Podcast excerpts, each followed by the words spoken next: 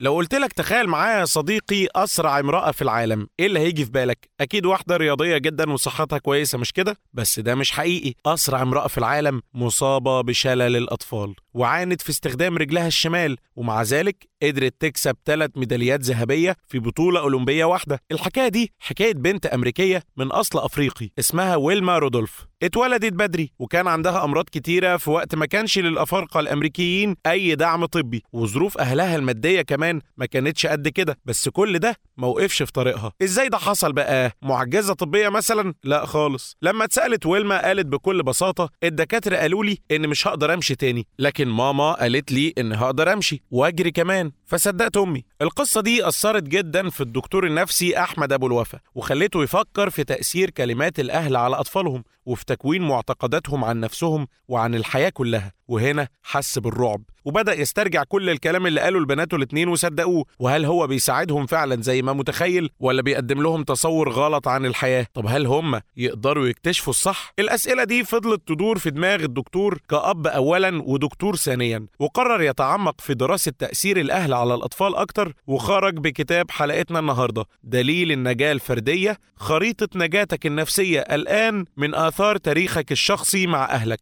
للدكتور أحمد أبو الوفا. وتقدر توصل لملخصات أكتر في علم النفس والنمو الشخصي لما تحمل تطبيق أخضر على موبايلك. وتشترك في العضوية المميزة علشان تستمتع بآلاف الملخصات في 16 قسم مختلف تقدر تسمعها أو تقراها في 15 دقيقة. وكل الملخصات دي موجودة حصريا على التطبيق فخليه على موبايلك واستمتع خلينا نبدأ من الأول خالص هو الطفل أول ما بيتولد بيكون محتاج إيه؟ إيه هدفه يعني في الحياة؟ هدفه يا صديقي النجاة الطفل بيتولد وعنده غريزة البقاء بس عشان هو ما يقدرش يحقق لنفسه النجاة ويلبي احتياجاته الأساسية من أكل وشرب وحماية فبيعتمد على أب وأم اللي هنسميهم مقدمي الرعاية اللي بيحققوا له كل ده وكمان هيستخدمهم عشان يتعرف على العالم والبيئة اللي حواليه. يعني العلاقة الأولى في حياة أي طفل هي علاقته بمقدم الرعاية ده والعلاقة دي بتمثل بيئته كلها وبتمثل مفتاح نجاته. وما يقدرش الطفل يتأكد من نوع العلاقة دي إلا بالمشاعر. مشاعر مريحة يعني طفولة سعيدة وحب واهتمام ومشاعر ضغطة يعني في حاجة غلط حصلت في العلاقة دي وفي الفترة دي واللي حصل أيا كان إيه هيأثر في الطفل ده لبقية حياته. ليه بقى كل ده؟ الموضوع بيرجع لنظرية اسمها التعلق أسسها العالم البريطاني جون بولبي اللي عاش طفولته كلها من غير لا حب ولا اهتمام ولا تواصل عاطفي وما فهمش تأثير اللي حصل ده غير وهو في الستينات من عمره لما بدأ يكتب للتعافي الشخصي وفي طريق تعافيه أسس نظرية التعلق. النظرية بتقول إن الأمان والتواصل العاطفي للطفل في سنوات حياته الأولى شيء ضروري جدا وعدم وجوده بيسيب أثر في الطفل طول حياته. بيقول بولبي إن في سيناريوهين للطفل إما يكون حاسس بالأمان وينمو بثقة فيقدر يتحرك ويبعد عن مصادر الأمان بتاعته بالتدريج وبالتالي عالمه هيكبر بس برضه عارف إنه يقدر يرجع لمصدر الأمان بتاعه لو خاف وبعدين يتحرك تاني وهكذا. وبالتالي بيحس إنه آمن والبشر حلوين والعالم مكان يصلح للعيش. وقدراته كلها تنمو. أو الوضع التاني إنه يكون معتقد إن العالم ده مكان غير آمن وإن البشر خطر وإنه مش قادر يتعامل معاهم. الأمان بقى عند الطفل هنا هو القدرة على النجاة. والنجاة في العمر ده بتتوقف على وجود علاقة عاطفية مع مقدم رعاية مهتم وعنده مشاعر حقيقية وصادقة ناحية الطفل ده. العلاقة دي اسمها تعلق ومش بس بتحدد نجاة الطفل لا دي بتمتد لأبعد من كده وبتحدد إزاي هيتعامل الطفل نفسه مع العالم والناس اللي حواليه وبيظهر ده كله في تصرفاته وسلوكياته. السؤال بقى هنا أضمن إزاي إن العلاقة دي تكون آمنة؟ أو إيه مكوناتها؟ العلاقة الآمنة بتعتمد على صفات كتير بس دكتور أحمد ذكر منها أهم صفتين اللي هما الانتظام والكفاءة. يعني إيه؟ الانتظام يعني يكون مقدم الرعاية ده متوفر للطفل كل ما يحتاجه مش مرة أو مرة لأ.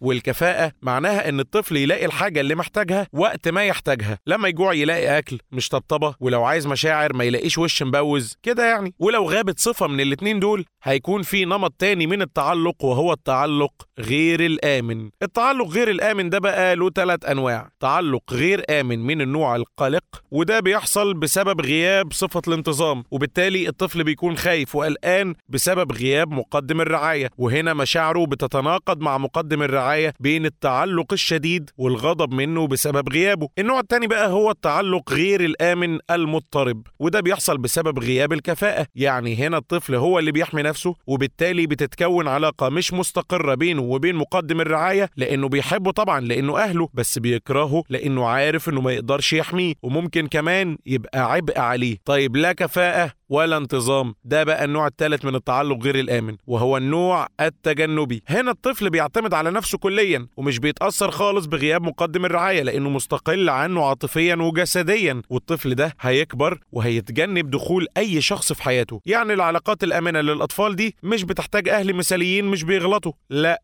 دي بتحصل مع أهل عاديين بيعملوا حاجات صح وحاجات غلط. لكن الغلطات دي مش نمط حياة وهو ده الفرق بين الأهل غير الناضجين عاطفيا اللي هنتكلم عنهم شوية كده وبين الأهل العاديين الكويسين. وقبل ما ندخل على غلطات الأهل ونشمر دراعاتنا محتاجين نقول حاجة مهمة جدا. الكتاب ده مش هدفه تتخانق مع أهلك أو تلومهم على اللي عملوه معاك وأنت صغير ولا حتى إنك تتضايق منهم. لا الهدف إنك تفهم وتصلح أي مشكلة عندك وده عمره ما هيحصل لو دخلت في مواجهات ملهاش لازمة. وعشان كده هنقول لك كام حاجة لازم تحطها حلقة في ودنك. أولها إن أغلب الأهالي اللي عملوا الغلطات دي كانت نيتهم كويسة وكانوا متخيلين إنهم كده بيساعدوك وبيوصلوك لبر الأمان. وكان مهم تعرف إن مشكلتك مش مع الشخص الموجود دلوقتي وإن صورة والدك أو والدتك اللي في دماغك دي غالبا ما بقتش موجودة أصلا. ثالثا بقى ما تشككش في مشاعرك ناحيتهم أو مشاعرهم ناحيتك. لو في لحظة حسيت إنهم بيحبوك فده حقيقي. والأذى اللي حصل ايا كان مش معناه إن المحبة كانت مش حقيقية.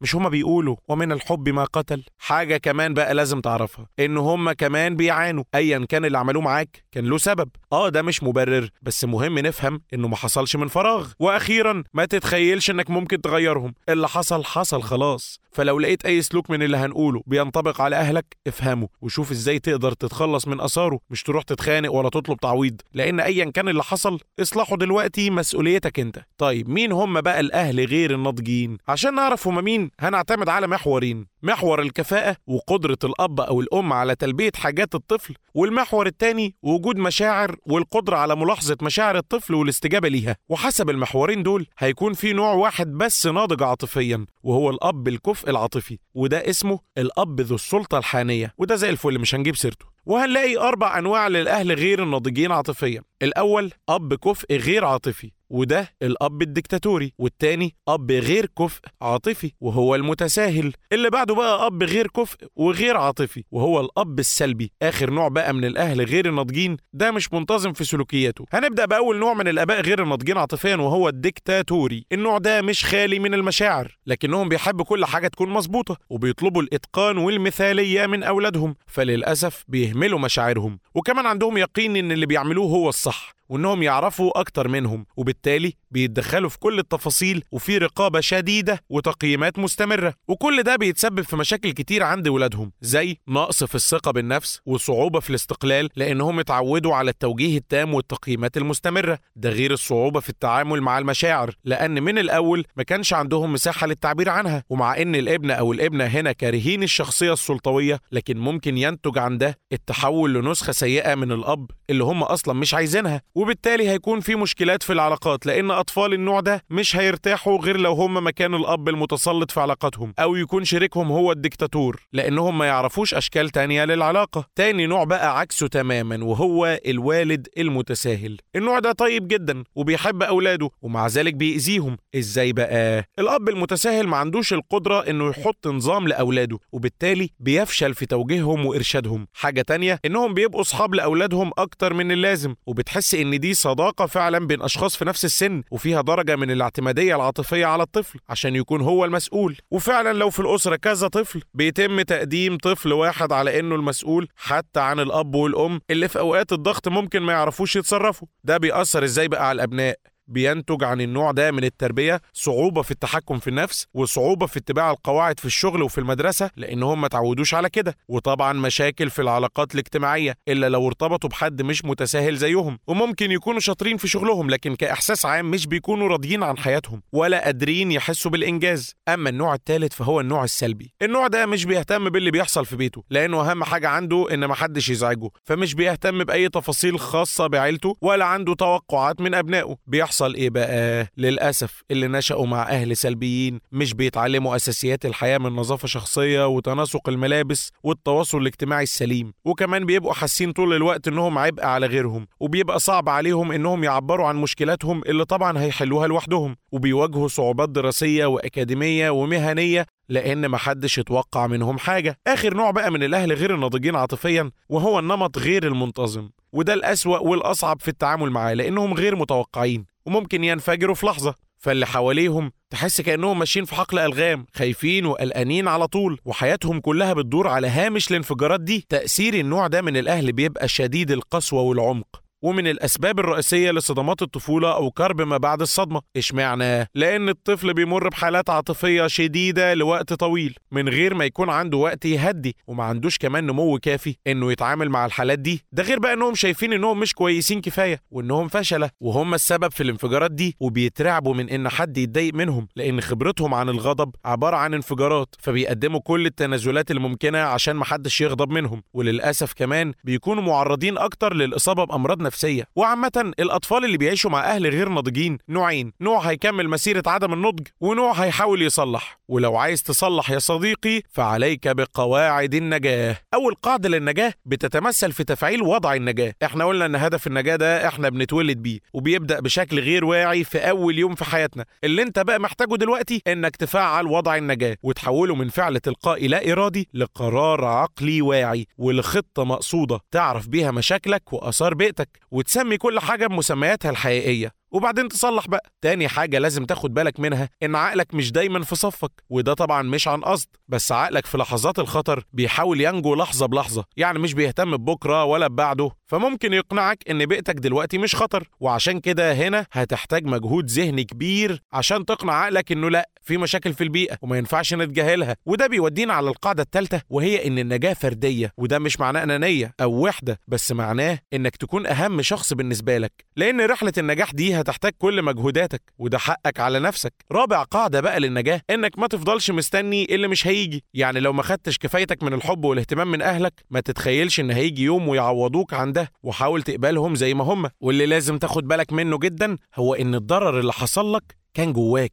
يعني في أفكارك أو مشاعرك ومعتقداتك. عشان كده ما تحاولش تنجو بتغيير اللي حواليك وابدأ بتغيير اللي جواك.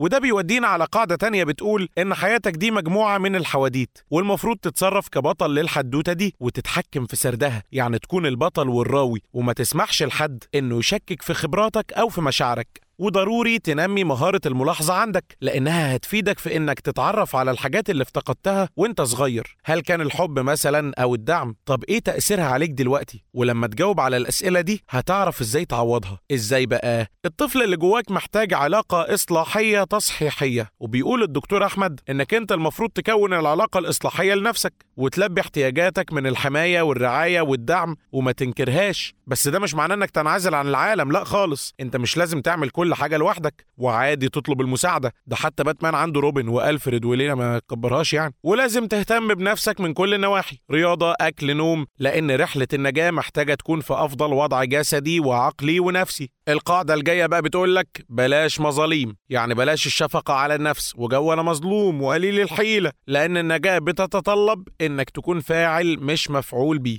آخر قاعدة بقى من قواعد النجاة بتقول إن آه النجاة فردية بس وحدة النجاة مجموعة. يعني إيه؟ يعني أنت بتنجو بوجود ناس تانية. بص لو أنت اتعودت وأنت صغير إنك لما تغلط تتهاجم جامد ولما كبرت وغلطت لقيت حد بيحتويك وبيقولك إن كل حاجة هتبقى كويسة والموضوع ده اتكرر بيبدأ عقلك يحس بالأمان ويستبدل الشعور الأولاني المخيف ده. اللي حصل ده بقى اسمه تجربة إصلاحية عاطفية ودي بتصلح كل اللي أنت تعرضت له من أذى. يعني أنت محتاج للناس وللحب والدعم عشان تنجو. وأخيرا افتكر يا صديقي إن قصتك لسه ما خلصتش ولسه في إيدك تغيرها وتنجو. وبس كده. سلام.